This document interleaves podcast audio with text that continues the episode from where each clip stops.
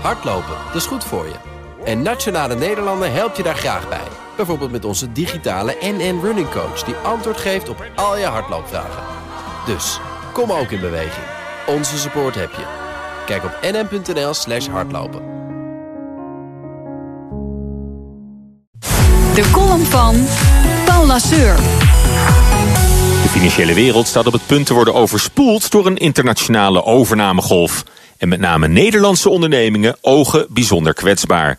De mislukte poging van Kraft Heinz om Unilever op te slokken voor 134 miljard euro was nog maar een voorproefje van de tsunami aan fusies en overnames die op ons afkomt razen over de Atlantische Oceaan richting de Noordzeekust. Van Wall Street tot de City of London zijn zakenbankiers en corporate advocaten al door het dolle heen. Met rode wangen van de overnamekoorts staan de dealmakers alweer te trappelen. Gordon Gekko van de film Wall Street uit 87 is helemaal terug, inclusief zijn motto Greed is good, hebzucht als drijfveer. Alsof het nooit crisis is geweest, gaan we 30 jaar terug in de tijd. Voor het omvallen van Lehman Brothers en voordat antiglobalisten de almacht van het kapitaal aan de kaak stelden. Nee, 2017 belooft doodleuk een absoluut recordjaar te worden voor mergers en acquisitions. De omstandigheden zijn dan ook ideaal. Ga maar na. De rente is nog altijd extreem laag, dus geld is gratis. Veel bedrijven bulken van de cash en de economie bloeit. Amerikaanse ondernemingen die nu toeslaan in Europa profiteren daarnaast volop van de zwakke euro en de lage koers van het Britse pond. Geld is dus geen probleem. Zelfs bedrijven die onaantastbaar leken zijn daarmee een makkelijk doelwit geworden. Ineens blijkt ook Unilever niet langer too big to buy. De magische grens van 100 miljard euro werd met een harde knal doorbroken. Als een straaljager door de geluidsbarrière. En iedereen is in één klap wakker.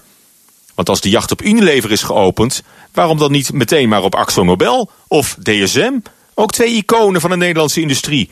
Maar ook beide conglomeraten die qua beursprestaties achterblijven bij sectorgenoten. Zelfs koninklijke olie is niet veilig voor de aasgieren en de sprinkhanen die het hebben voorzien op onze kwaliteitsbedrijven, die ze kunnen kaalvreten en opknippen. Gewoon omdat het kan, puur voor het geld. De financiële trucendoos gaat helemaal open om de korte termijn aandeelhouders tevreden te stellen met een paar procent extra rendement. Minister Dijsselbloem van Financiën noemde Unilever dit weekend een voor Nederland cruciaal bedrijf. Hij riep de onderneming op een beschermingsconstructie op te werpen om zo een overname te voorkomen door de hyena's die je bedrijf proberen kapot te maken. Het advies van Dijsselbloem en Unilever komt alleen veel te laat helaas. De dijken die de BV Nederland zouden moeten beschermen tegen de vloedgolf aan agressieve overnames hadden natuurlijk al lang moeten worden opgehoogd. Helemaal zolang we nog van onze bedrijven verwachten dat ze verder kijken dan puur aandeelhoudersbelangen. Maar ook hun maatschappelijke verantwoordelijkheid serieus nemen.